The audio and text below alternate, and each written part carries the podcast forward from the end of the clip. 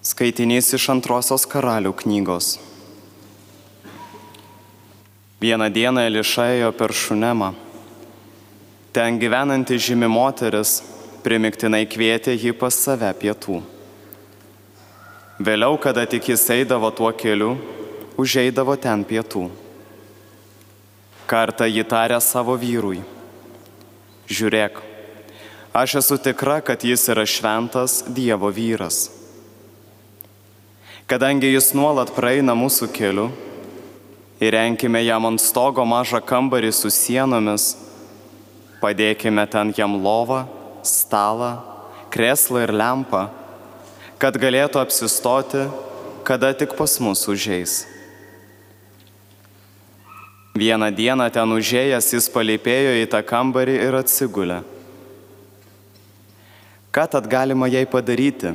Jis klausė. Gehazis atsakė. Na, ji neturi sunaus ir jos vyras senas. Pašauk ją, tarė Eliša. Tarno pašaukta jie atsistojo prie durų. Šiuo laiku, kitais metais, jis tarė jai, glamonėsi sūnų. Tai Dievo žodis.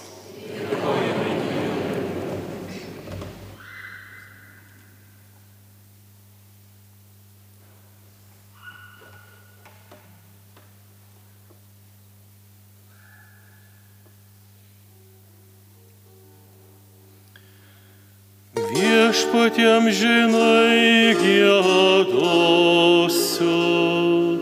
apie tavo gerumo malonės. Viešpatiem žinai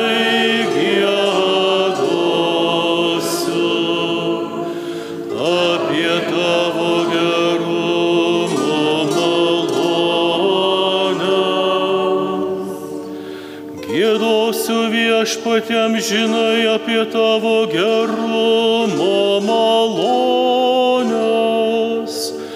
Tavo ištikimybę kartu kartoms pasakys mano lūpos. Juk išpažįstu, kad amžina yra tavo ištikimoji meilė. Tvirta kaip dangaus kliautas tavoji ištikimybė. Viešpatiem žinai gėdosiu apie tavo gerumo malonę. Laimingi žmonės žinantis džiugu išauksmo, jie gyvena viešpaties spindesi tavo artumo. Visą dieną jie džiugoja dėl tavojo vardo juos išaukštino tavo teisumas.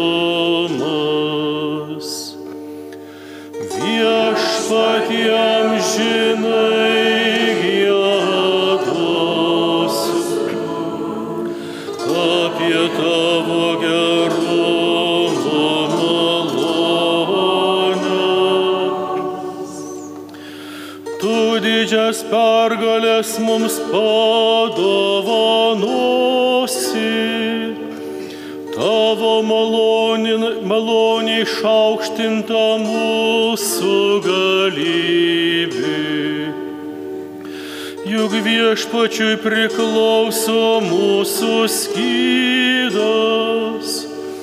Izraelio šventąją mūsų karalius. Viešpatiem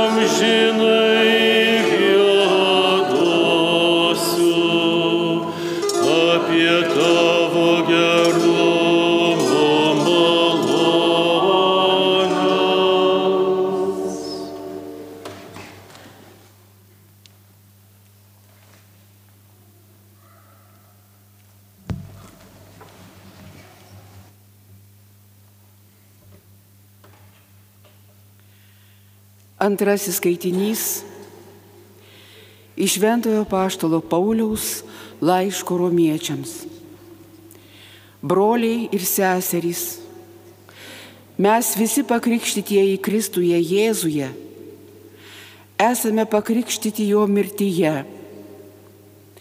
Taigi, krikštu mes esame kartu su juo palaidoti mirtyje, kad kaip Jėzus buvo prikeltas iš numirusių tėvo šlovinga gale, taip ir mes pradėtume gyventi atnaujintą gyvenimą.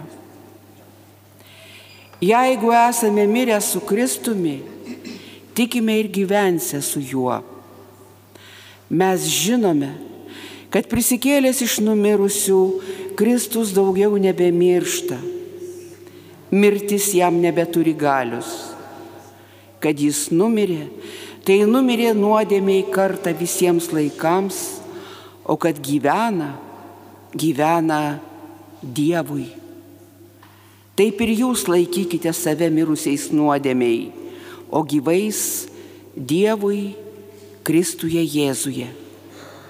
Tai Dievo žodis.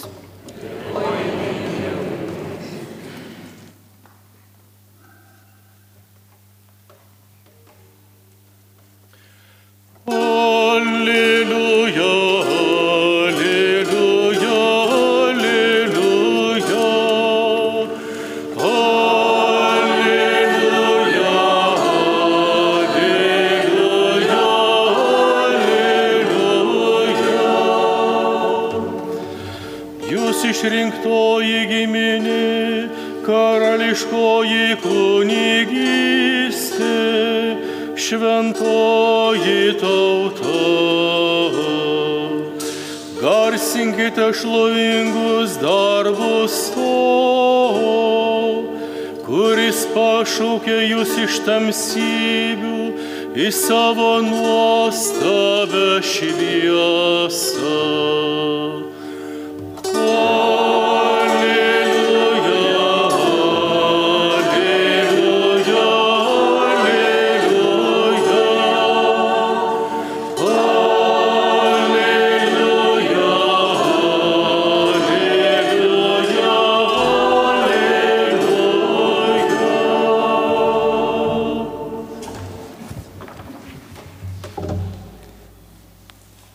Viešpats su jumis. Iš Šventojios Evangelijos pagal Matą.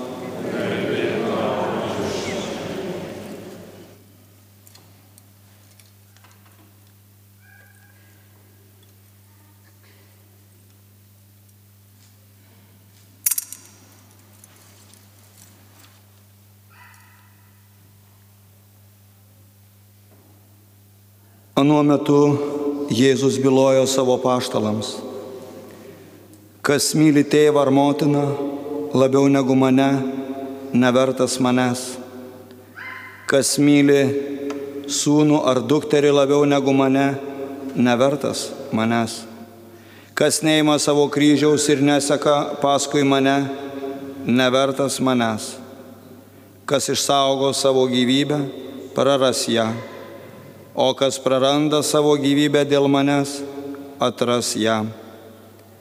Kas jūs priima, tas mane priima, o kas priima mane, priima tą, kuris yra mane siuntęs.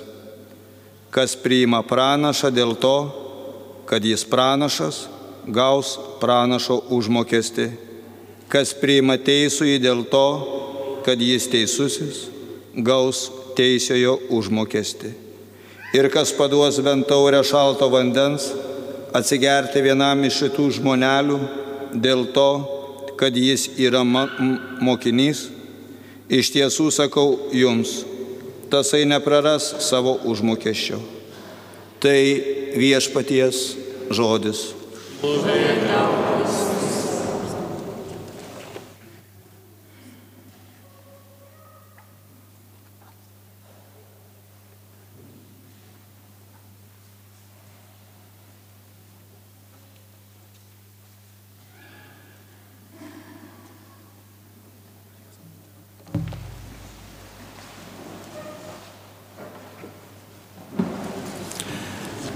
Brangus broliai ir seseris, pradėję didžiuosius kalvarijos atlaidus, turime įvairiausių lūkesčių.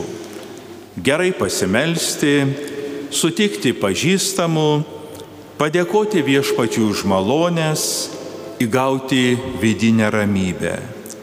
Tačiau pats svarbiausias tikslas - geriau pažinti mūsų viešpatį Jėzų Kristų ir gyventi pagal jo Evangeliją.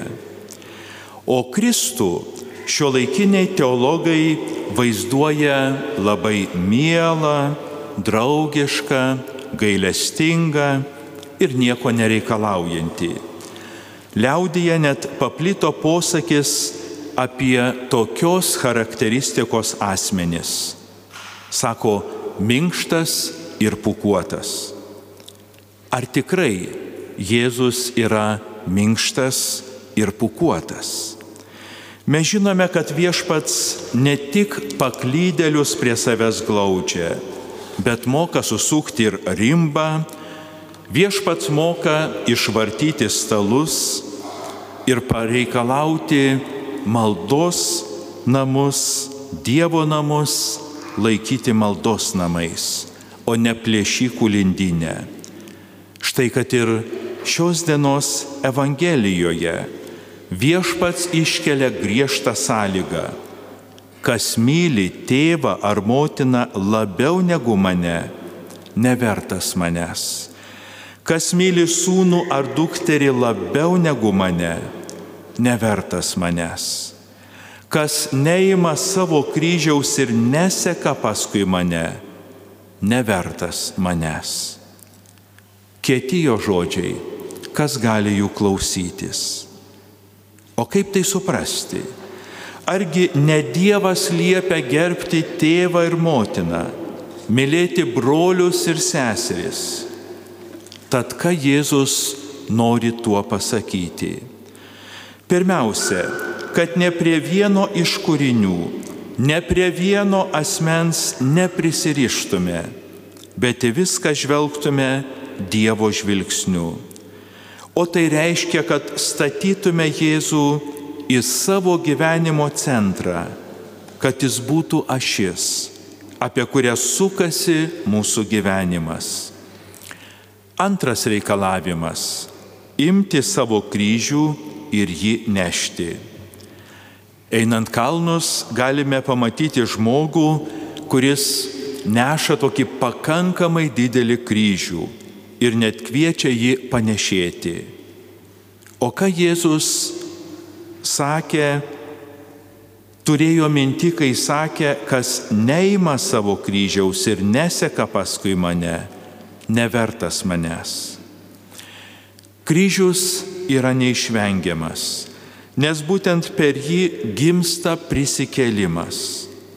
Prisikėlimas ne fiziniam džiaugsmui, labai geram jausmui, o gyvenimo atidavimo kitam džiaugsmas. Štai 20-ame amžiuje Ispanijoje gyvenęs šventasis Rapolas Arnaisas baronas sakė, koks džiaugsmas gyventi kryžiaus papėdėje. Čia sutinki Mariją, šventąjį Joną ir visus, kurie tave viešpatė myli. Čia nėra skausmo, nes kas viešpatė matydamas tavai skausmą drįstų kentėti. Čia pamirštama viskas, nelieka noro būti laimingam, niekas nemasto apie savo skausmus.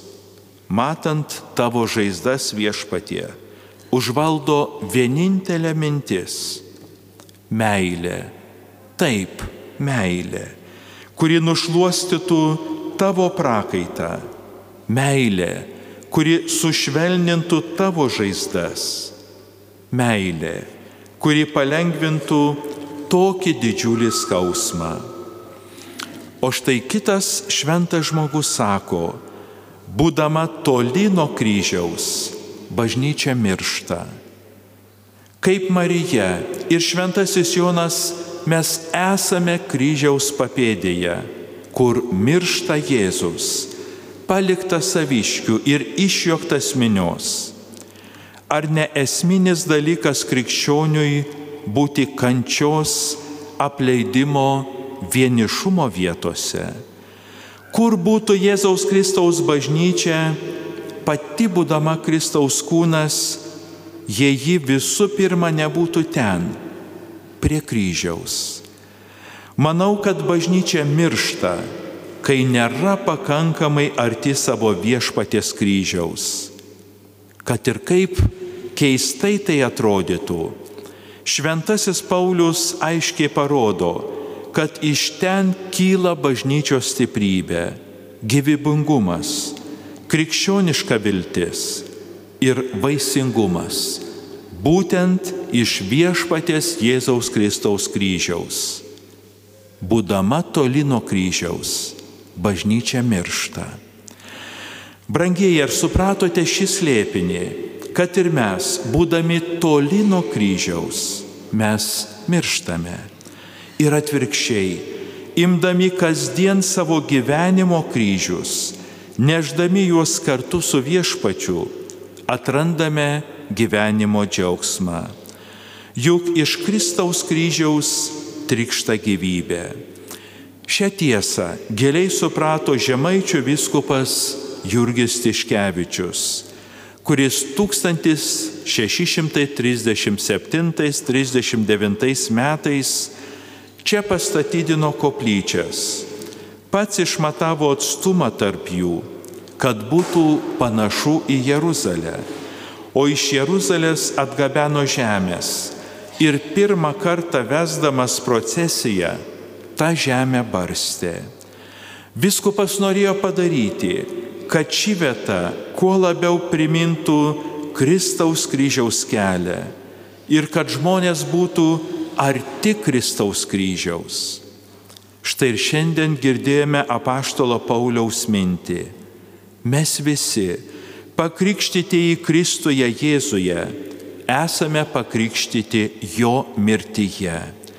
Taigi krikštu mes esame kartu su juo palaidoti mirtyje, kad kaip Jėzus buvo prikeltas iš numirusių tėvo šlovinga gale, taip ir mes pradėtume gyventi atnaujintą gyvenimą.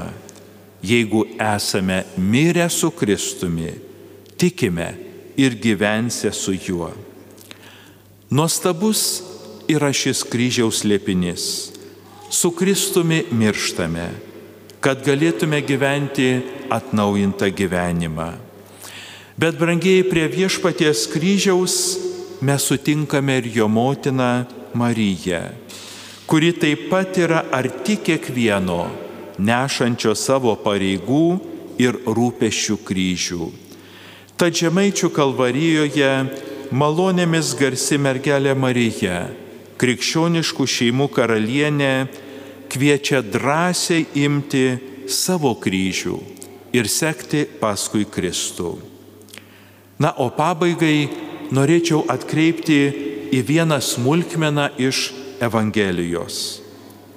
Kuomet karštą dieną einame Kalvarijos kalnus, prie kai kurių sodybų ir kiemų yra išneštas kyberas švaraus vandens ir padėtas puodukas ištroškusių maldininkų džiaugsmui. Štai čia ir pildosi Jėzaus žodžiai. Kas paduos bent taurę šalto vandens atsigerti vienam iš šitų žmonelių dėl to, kad jis yra mokinys, iš tiesų sakau jums, tasai nepraras savo užmokesčio. Kokie laimingi yra žemaičių kalvarijos gyventojai šią atlaidų savaitę. Koks paprastas dalykas. Te reikia tik kibirą prie bromos pastatyti, puoduką padėti ir gerų darbų skaitliukas ten danguje sukasi. Taigi tasai nepraras savo užmokesčio. Amen.